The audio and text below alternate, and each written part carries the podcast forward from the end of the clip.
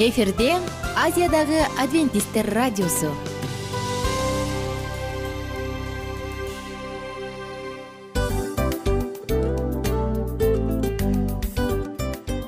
Достор салют. Баардык сүйүктүү угармандарыбызга салам айтабыз. Кутман күнүңүздөр менен. Ден соолук өмүрдүн булагы демекчи саламат саамы программасында баарыңыздарды көргөнүбүзгө абдан кубанычтабыз. Анда алгач амандашып өтөлү арбаңыздар деп. Ден соолугуңуздар кандай элибизде көбүнчө ден соолук кандай дегенде эле жакшы деп жооп беребиз э? ооруп турсак дагы жакшы дейбиз. Анан мен муну айтып ойлойт элем бул абдан сонун сөз депчи анткени бул жакшы деген үмүт да э ооба баары жакшы болот. Баары сонун. Деп үмүттөнүп атып эле өзүбүздү өзүбүз дарылап коебуз. Анысы кандай? Сиздин дагы ден соолугуңуз жакшы беш деген үмүттөбүз чындыгында ден соолук бул өмүрдүн булагы деп бекеринен айтылган эмес деп ойлойм. Кыргыз элинде анткени эгерде ден соолук жок болсо анда адамдын жашоосунда калган баардык керектүү маңыздуу нерселер өзүнүн баалуулугун жоготуп коет. Ошондуктан ден соолук бул эң керектүү нерсе. Ооба туура айтасың кесиптешим. Чынында ден соолугуң жок бир эки үч күн ооруп калсаң эле э кандай болуп калат? Жашоодо көз каранды болуп каласың көп нерсеге жетишпей каласың көп нерсени кыла албай каласың жада калса эшикке дүкөнгө да чыга албай каласың. Туптуура анан ден соолук болсо демек биз биздин бактыбыз тоодой деп койсок болот. Анда достор саламат саамы рубрикабызды баштайлы. Алдыда өзүңүзгө керектүү болгон сонун кеңештерди уга аласыздар. Мына ошондуктан биз менен бирге болуңуздар. Ал эми биз болсо милан жана айнура. Кеттик алга. Алга саламат саама ден соолуктун жарчысы. Саламат саама ден соолуктун ачкычы. Күн сайын сиз үчүн мыкты кеңештер сонун жаңылыктар кызыктуу фактылар. Биздин рубрикада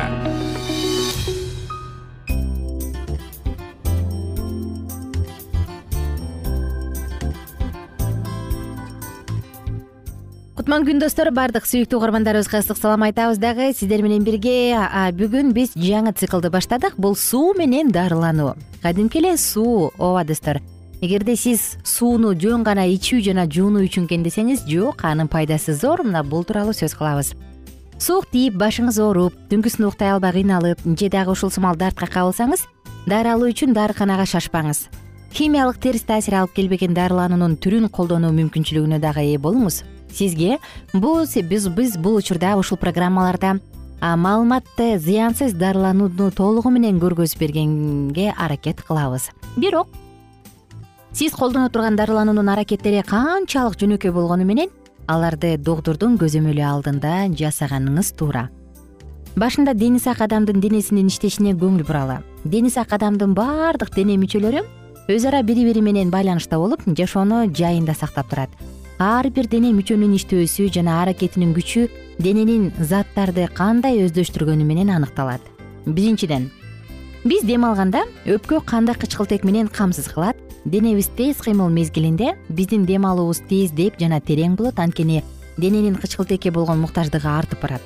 Экинчиден жүрөк өзүнө кычкылтек камтыган канды кан тамырлары аркылуу бүткүл дене мүчөлөрүнө ошондой эле булчуңдарга дагы жеткириш үчүн айландырып турат. Денебизге күч келгенде жүрөктүн иштөөсүнө өпкөлөргө болгондой эле көбүрөөк күч келе баштайт. Үчүнчүдөн ашказан менен ичегилер биз тамактанган азыктарды сиңирип канды керектүү заттар менен камсыз кылат. Аба денеге кан аркылуу тарагандай эле тамак аштан алынган азык заттар дагы кан аркылуу тарайт. Төртүнчүдөн адам өмүр сүрүп турган өмүр сүрүп турган мезгилинде кабыл алган кычкылтек жана азык заттарды дененин ар бир клеткасы сиңирет дагы күйгүзүп турат. Сжигание деп коет эмеспи дененин бул иши метаболизм деп аталат. Тактап айтканда зат алмашуу кереги жок заттардын же зыяндуу нерселердин денеден чыгуусу. Бешинчиси денедеги кереги жок бул заттар кан аркылуу бөйрөккө жеткирилет бөйрөктөн заарага жеткирилет ал зат алмашуу учурунда денеде ичинде көмүртектин чогулушуна алып келет жана өпкө аркылуу сыртка чыгарылат. Биздин мээбиз дагы бир дене мүчөбүз болгондуктан өзүнө кычкылтекти жана азыктандыруучу заттарды кан аркылуу алат. Себеби ал эң эле маанилүү мүчө болуп саналат э мээбиз. Баш мээ дененин башкаруучу борбору. Арка мээ жүлүн жана көптөгөн нервтер аркылуу муундарыбыздын учтарына чейин мээден буйрук жетип жана ар бир дене мүчөдөн мээге жооп келип турат. Биздин көздөрүбүз кулактарыбыз мурун ооз жана булчуңдарыбыз болгону баш мээни сырткы дүйнө менен байланыштырып турган көпүрө болуп эсептелет. Мээбиз бизге ойлонууга мүмкүнчүлүк берет. Анын ичинде биздин инсандыгыбыз жана биздин өзгөчөлүгүбүз тууралуу баардык маалымат дал ушул жерде жазылып турат. Мээбиздин жардамы менен биз бул дүйнөнү таанып билим топтоп жана мүнөзүбүздү жеткилең кылып келебиз ушунчалык кереметтүү кыймылдаткыч болуп адам кайдан жаратылган? Өнүгүү жолу менен жаралды беле? Эч кандай андай жолдор менен жаралган эмес. Адамды кудай жараткан. Муунда муунга уланып адамдардын көбөйүп топонсу болгонго чейин жана андан кийинки алгачкы орто кылымдан берки биздин күнүмдүк жашообуз болгону менен жараткан кудайыбыздын эрки менен гана баардыгы уланып келет. Алтынчыдан жогоруда айтылып кеткендей дени сак адамдын баардык дене мүчөлөрү өз ара келишимдүү иштеп бири бирине жардам берип турушат. Бир эле дене мүчөсү ооруп же жарата алса анда баардык дене мүчөлөр кыйналып адамдын бүт денесин оорукчан абалга алып келет. Биз жүрөгүбүз өпкөлөрүбүз боорубуз уйку безибиз ашказаныбыз ичегилерибиз жана албетте мээбиз жок таптакыр жашай албайбыз. Булчуңдарыбыздын бир эле жери ооруп жатса анда биз сүйлөй албай же болбосо сыркоо абалына дагы дуушар болобуз. Мына ушундай достор кыскача. Бул дүйнөдө баардык денелердин эң эле жөнөкөй куруучу блогу болуп клетка эсептелет. Ал көзгө көрүнбөс ушунчалык кичинекей аны микроскоптун жардамы менен гана көргөнгө болот. Ар бир клетка денеде өзүнүн өзгөчө ишин аткарат бирок баардык клеткаларды бириктирген өзгөчөлүктөр бар. Булар. Алардын баардыгы мурунку клеткалардан жаралышат алар бизди азыктандыруучу заттарды сиңирип денеге жылуулук жана жашоого күч берип турган кычкылтекти кабыл алуу үчүн кызмат кылышат. Үчүнчүдөн денеге кереги жок заттарды жана көмүртекти денеден чыгаруу милдетин аткарышат. Төртүнчү баардык клеткалар жашап турушу үчүн баарына суу керек. Алар өз алдынча сүйүп жана калыбына келип турушат алар өздөрү бөлүнүп көбөйүшөт клеткалар анан акыры клеткалар өлүшөт. Кийинки клеткалар ушунчалык өзүнө гана таандык абдан татаал түзүлүшкө ээ. Аларды химиялык фабрикага салыштырып койсо болот. Кайсыр бул дене мүчөнүн ар бир клеткасы өзүнө таандык башка клеткалардан айырмаланган өзгөчөлүгү менен кызмат кылат. Биздин денебиз достор абдан керемет жаратылган э ар кандай жугуштуу оорулар менен уулардын жараттардын таасирине абанын жылуулугунун өзгөргөнүнө эч нерсеге карабай баардыгын коргой алгандай кылып жаралган түзүлгөн. Денебиздин баардык мүчөлөрү тактап айтканда денебиздин баардык клеткалары өзүнүн жылуулугу менен химиялык курамы менен жашоону жакшы камсыз кылып турган суюктук менен курчалган. Бизге суук тийгенин элестетсек өзүбүздү жаман сезебиз ангина башталышы мүмкүн денебиз көтөрүлөт э? Буттарыбыз ооруйт айтор мунун баардыгы тең организмдин мен жаман абалдамын деп айтканынан кабар берет. Сиздин ар бир клеткаңыз өзгөчө ардактуу угарман сиз дагы өзгөчө жаралгансыз. Сиздин оо жүгүртүңүз эле эмес сиздин сырткы келбетиңиз чачыңыз тырмагыңыз буттарыңыз эле эмес. Жалпы эле сиз өзгөчө жаратылгансыз. Ошондуктан өзгөчө жаралган угармандарыбыздын баардыгын суу менен дарыланууга чакырам. Кийинки уктуруубузда дагы биз ушул тууралуу темаларды айтып дал ушул нерсеге токтолобуз. Бүгүн болсо сиздер менен кыскача бир кириш сөз кылдык. Достор күнүңүздөр көңүлдүү улансын. Бүгүнкү күн мыкты маанайда өтсүн. Оорубаңыздар бар болуңуздар. Кайрадан амандашканча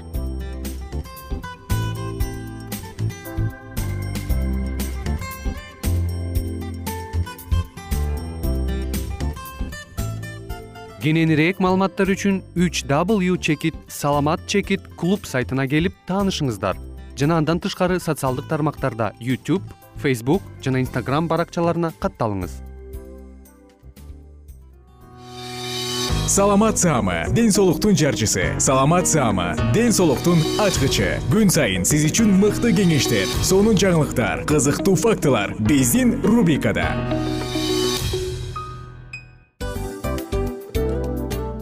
салам достор.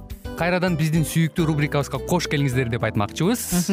Баардык замандаштарыбызга арбаңыздар деп саламыбызды айтабыз. Улуу ушундай бир урматтаган учурашуу менен анан дил маек радио баракчабызга чакырабыз. Негизи дил маек биздин рубрикабызда эмне жөнүндө кеп кылабыз бул дил маектин мааниси эмнеде рубрикабыз менен кичине тааныштырып кетсеңиз.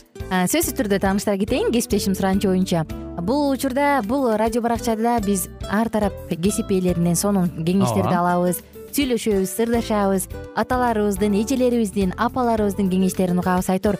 Жан дүйнөгө адамдын э, сапатына адамдын деги эле адам болуп жашашына керектүү баардык кеңештер алдыда. Негизи э, дил маек дегенде баягы эки адамдын ортосундагы сырдашуу кенен сүйлөшүү. Негизи эле биз адамдар бири бирибиз менен бир жерге жай жерге отуруп алып өзүнчө тынч э, жашоо жөнүндө өмүрүбүздө эмне болуп атканын бөлүшкөнү жакшы көрөбүз э адамдар. Ооба туура айтасың анан э, мындай учурга кээде убакыт да жетпей келет э. Же болбосо сырыңды кайгыңды муңуңду кубанычыңды айткың келет а адамга ишенбешиң мүмкүн. Ооба. А бул радио баракча угармандарыбыздын чыныгы досу. Анткени бизден алган кеңеш сиздин жашооңузга чоң жардам берет. Ал эми сиздин бизге айта турган сөзүңүз ортодо гана сыр бойдон калат. Ошондуктан биздин дил маек рубрикабызга дагы бир жолу кош келиңиздер. Жана биз даярдаган маалыматтарга даяр болуңуздар. Айнура жана милан сиздер менен бирге алдыга кеттик ар түрдүү ардактуу кесип ээлеринен. Алтын сөздөр жүрөк ачышкан сыр чачышкан сонун маек. Дил маек рубрикасында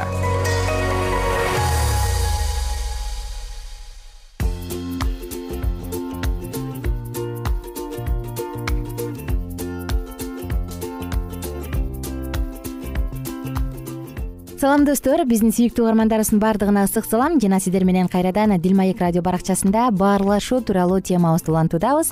Биз мурунку уктуруубузда э, коногубуздан сонун э, кабаттарды сонун этаптарды укканбыз. Бүгүн болсо биз ушул үчүнчү этажга келип токтолдук э ой бөлүшүү жөнүндө.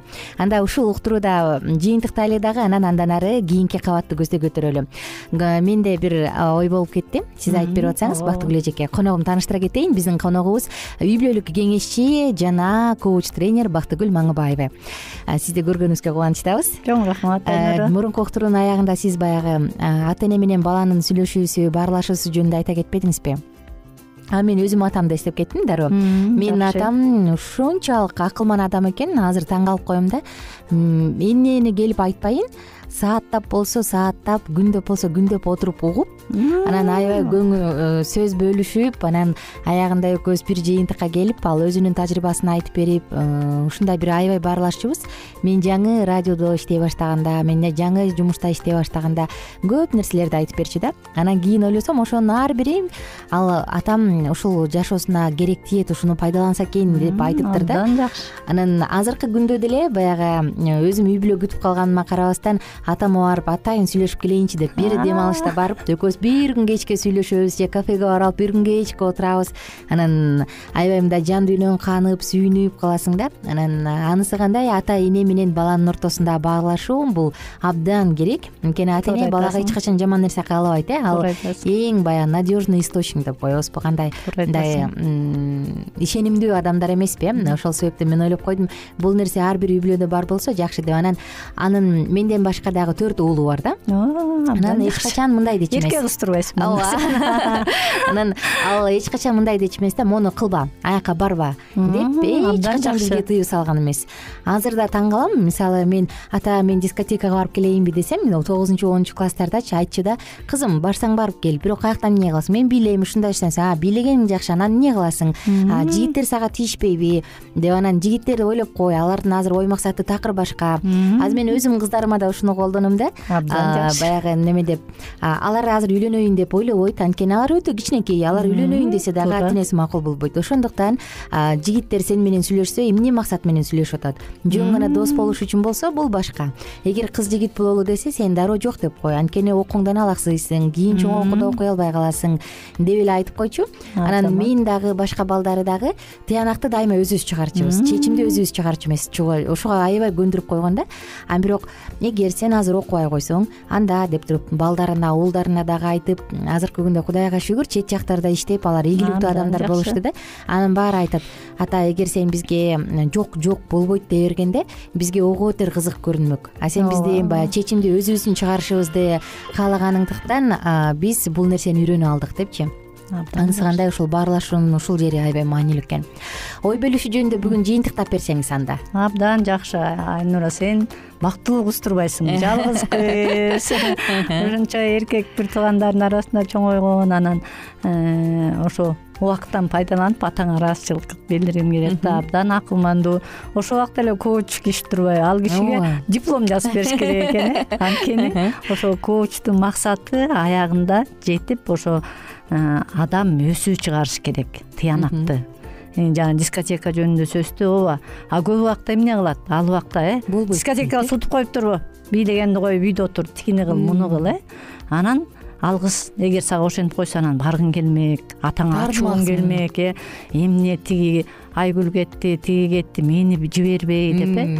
Ал атаң акылмандуу киши болгондуктан ал айтты э анан барсаң мындай мындай болот дегенде чечим сенде болду. Эгер барсаң деле э анан а эгер балдар мындай кылса мындай кыл мындай кылса андай кыл деп акылмандуулук менен жооп берген атаңа кудай узун өмүр жаш берсин эми неберелерине дагы ошондой жакшы нерселер менен бөлүшүп силердин астыңарда аман болсун э. Ой рахмат. ушундай кыргыздын көп аталар чоң аталар болсо абдан жакшы болмок абдан акылдуу адам экен атаңа кудай батасын берсин ой э. рахмат.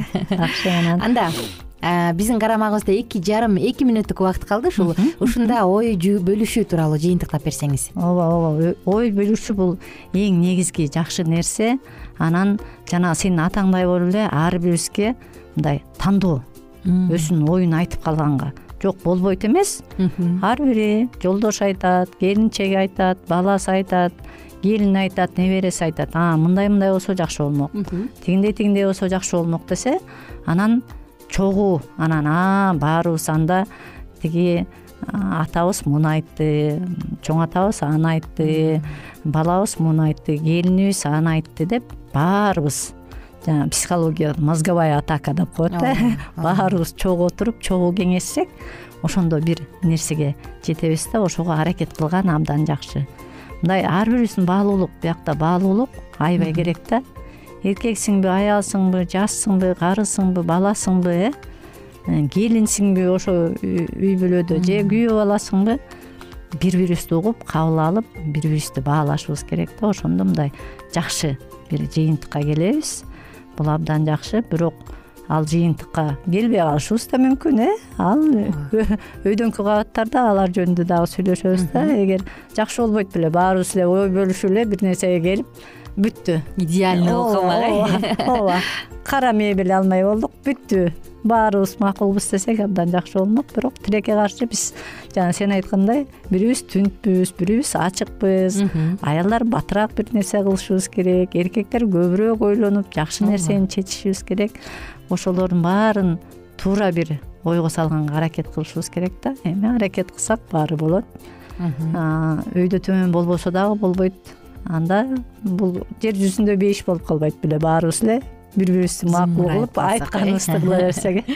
Айтпаңыз жакшы рахмат сизге биз кийинки уктуруубузда буюрса төртүнчү кабатка көтөрүлөбүз. Жана төртүнчү кабатта баарлашуу кандай болот? Мына ушул жөнүндө дагы коногубуздан угабыз азыр болсо бул уктуруунун соңку мүнөттөрүндөбүз достор бар болуңуздар аман болуңуздар. Кайрадан амандашканга чейин сак саламатта туруңуздар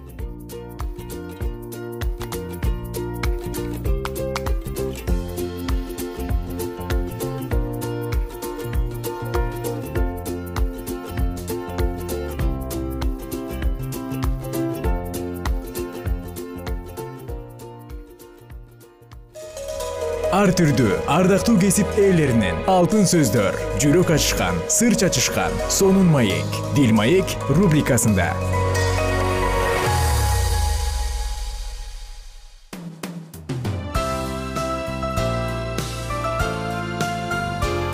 Эфирде азиядагы адвентисттер радиосу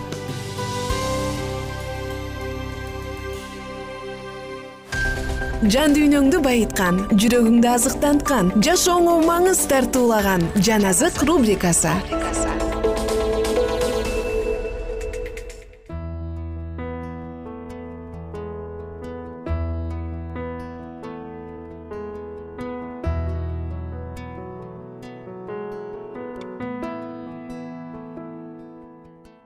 салам достор. Жалпыңыздар менен кайрадан жан азык радио баракчасындабыз жана сиздер менен бирге тип жана анын шам чырагы деп аталган сонун аңгемени улантабыз. Ошентип эски көйнөгүн көк лентасы бар шляпасын кийген мария тип менен жекшембилик мектепке жөнөдү. Аны жакшы кийинген кыздардын тобуна алып барып кошушканда ал бир аз уяла түштү. Гольбрук мырза типти чакырып эдуард сен жекшембилик мектепке дайыма келип турмай болдуң да э деп сурады ооба мырза анда сен мындан ары жаңы келген балдар менен чогуу отурбай эле койсоң болот. Бүгүнкү күндөн тартып мен сени өзүмдүн тобума кошом. Пастордун артынан классташтары отурган катарга бара жатып тип өмүрүндө биринчи жолу ушундай кубанычты сезди классташтарын көргөн тип кызарып кетти орундуктун эң учунда пастордун уулу фред гольбрук отурган экен. Бул типтин пикири боюнча бир нече күн мурун аны адилетсиз жазага дуушар кылган бала болчу тип анын жанына ушул жекшембилик мектепти да отургусу келбегенин сезди. Бул деген анын айыгышкан душманы болчу да бирок пастор жаңы окуучусунун орун алышын күтүп турган эле. Отуруш керек эле ошондуктан тип айласы жок фреддин жанынан орун алды. Ал болсо сабак учурунда типке эч кандай жолтоо болгон жок. Башында тип жүрөгүнө долгон ызадан улам гольбруктун сөзүнө кулак сала алган да жок бирок ал ыйсанын айкаш жыгачтагы азап чегүүсү тууралуу айта баштаганда анын ызасы тарап кетти. Пастор айтып берип жаткан аңгеме аябай жакшы аябай курч болгондуктан жүрөктүн тереңинен орун алып жатты. Балдар тарагандан кийин пастор типти билектен алып сага бүгүн эмне болгон досум? деп сурап калды. Тип кызарып кетти. Эч нерсе эмес мырза жөн эле. Мектептен фред экөөңөр урушуп кеттиңер беле ооба мырза деп жооп берди тип кайраттуу пастордун байкап калганын билип. Эдуард мага эмне болгонун айтып берчи? Мен кагаз ыргытпасам деле ал мени ыргытты деп айтты. Мени болсо мугалим бул үчүн жазалады сенин ыргытпаганың чынбы чын мырза мен кагаз ыргыткан эмесмин сен ошондо мен ыргыткан жокмун деп айттың беле? Мен бир нече жолу айттым бирок ал тип ыргытканын көрдүм деп айтып жатты. Эдуард сен мурун калп айтчу эмес белең сенин сөзүңө ишенүүгө болобу? Тип башын төмөн салды. Анын эриндери титиреп кеткен эле бирок ал бир аздан кийин акырын мен көп калп айтчумун бирок ошондо мен калп айткан эмесмин. Мен эми дайыма чындыкты айтканга аракет кылам кудай муну билет мен дагы муну билем деп улап кетти гольбрук мырза мээримдүү. Фреддин жаңылышын жаңылышып жатканын да билем. Сен ага аябай ачууланып жатасыңбы? Мага айтчы сен ушул жаман сезимди жеңе аласыңбы? Тип башын чайкады. Ал үчүн мени жазалашты мен деген эч нерсе кылган эмес болчумун да. Бирок ойлонуп көрсөң эдуард эгер ыйса дагы сага окшоп ага туура мамиле кылгандарды гана кечирген болсо сен кандай деп ойлойсуң. Анда ал сени кечирмек беле? Тип унчуккан жок. Ал бул тууралуу эч качан ойлонуп көргөн эмес. Пастор типтин колунан библияны алды мен ага сенин чырагың бул тууралуу эмне дей турганын көрсөткүм келет тип пастор көрсөткөн аятты окуду. Эгерде башкалардын күнөөлөрүн кечирбесеңер анда атаңар да силердин күнөөңөрдү кечирбейт пастор типке китебин кайтарып берип ары басып кетти. Пастор тип менен сүйлөшүп жатканда мария жалгыз турган.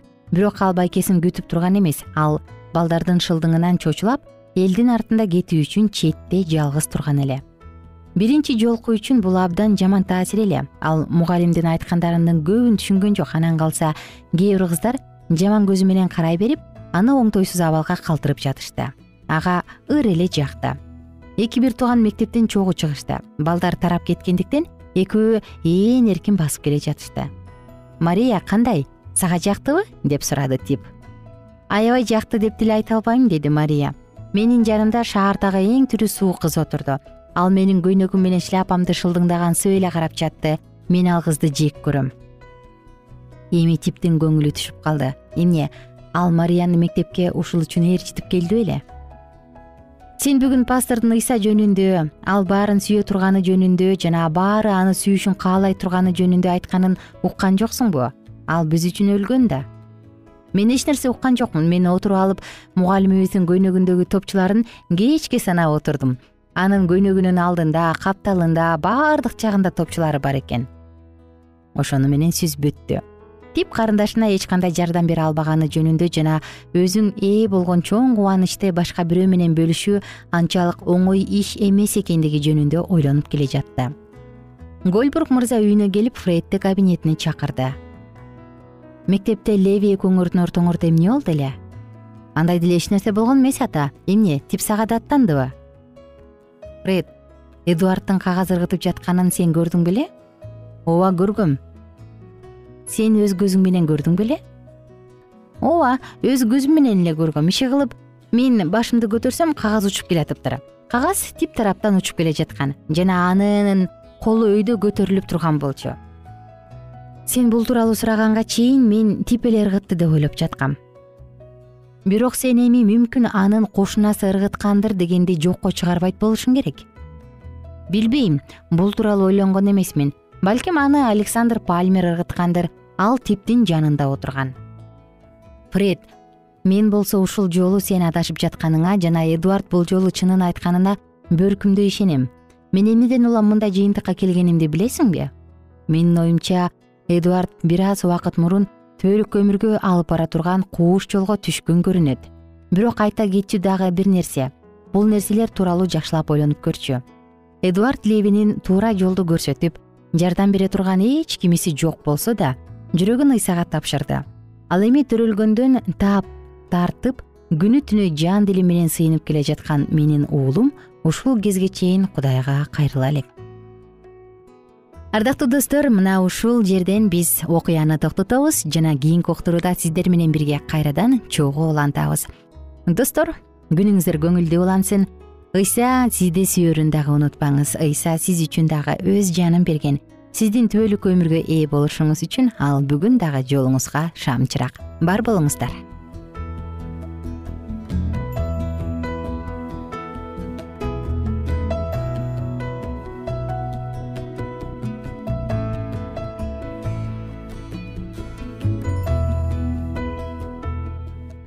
эгер сиздерде суроолор болсо же көбүрөөк маалымат билем десеңиз анда биздин whatsapp номерибизге жазыңыз. Плюс бир үч жүз бир жети жүз алтымыш алтымыш жетимиш. Кайрадан плюс бир үч жүз бир жети жүз алтымыш алтымыш жетимиш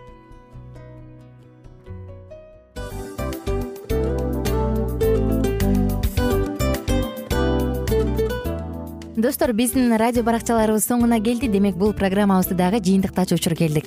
Учурга келдик. Анан кесиптешимден сурагым келип турат. Негизи эле иштин башталып атканы кубандырабы сени же жыйынтыгы кубандырабы?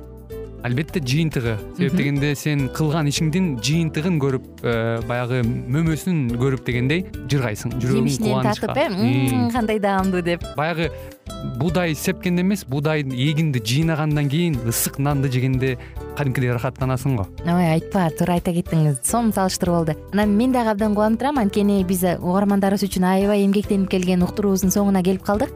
Анан эми э, уктуруубуздун соңунда угармандар кандай пайда алып калды экен деп күтүп турам да. Балким э, менин жашоомо өзгөрүү киргизе турган сонун сөздөр болду мен ушул нерсени изилдеп анан кабыл албасам ушул нерсени кылбасам деген чечим чыгарсаңыз анда биз абдан кубанычтабыз. Сөзсүз түрдө. Андыктан кийинки биздин кызыктуу уктурууларыбыздан көрүшкөнчө сак саламатта калыңыздар. Чыдамсыздык менен сиздерди мен милан жана кесиптешим айнура күтөбүз. Баардык угармандарыбызга ийгиликтүү күн каалайбыз. Качан гана болбосун уртуңуздан жылмаюу кетпесин үйүңүздө көмүр жүрөгүңүздө көңүл болсун дейли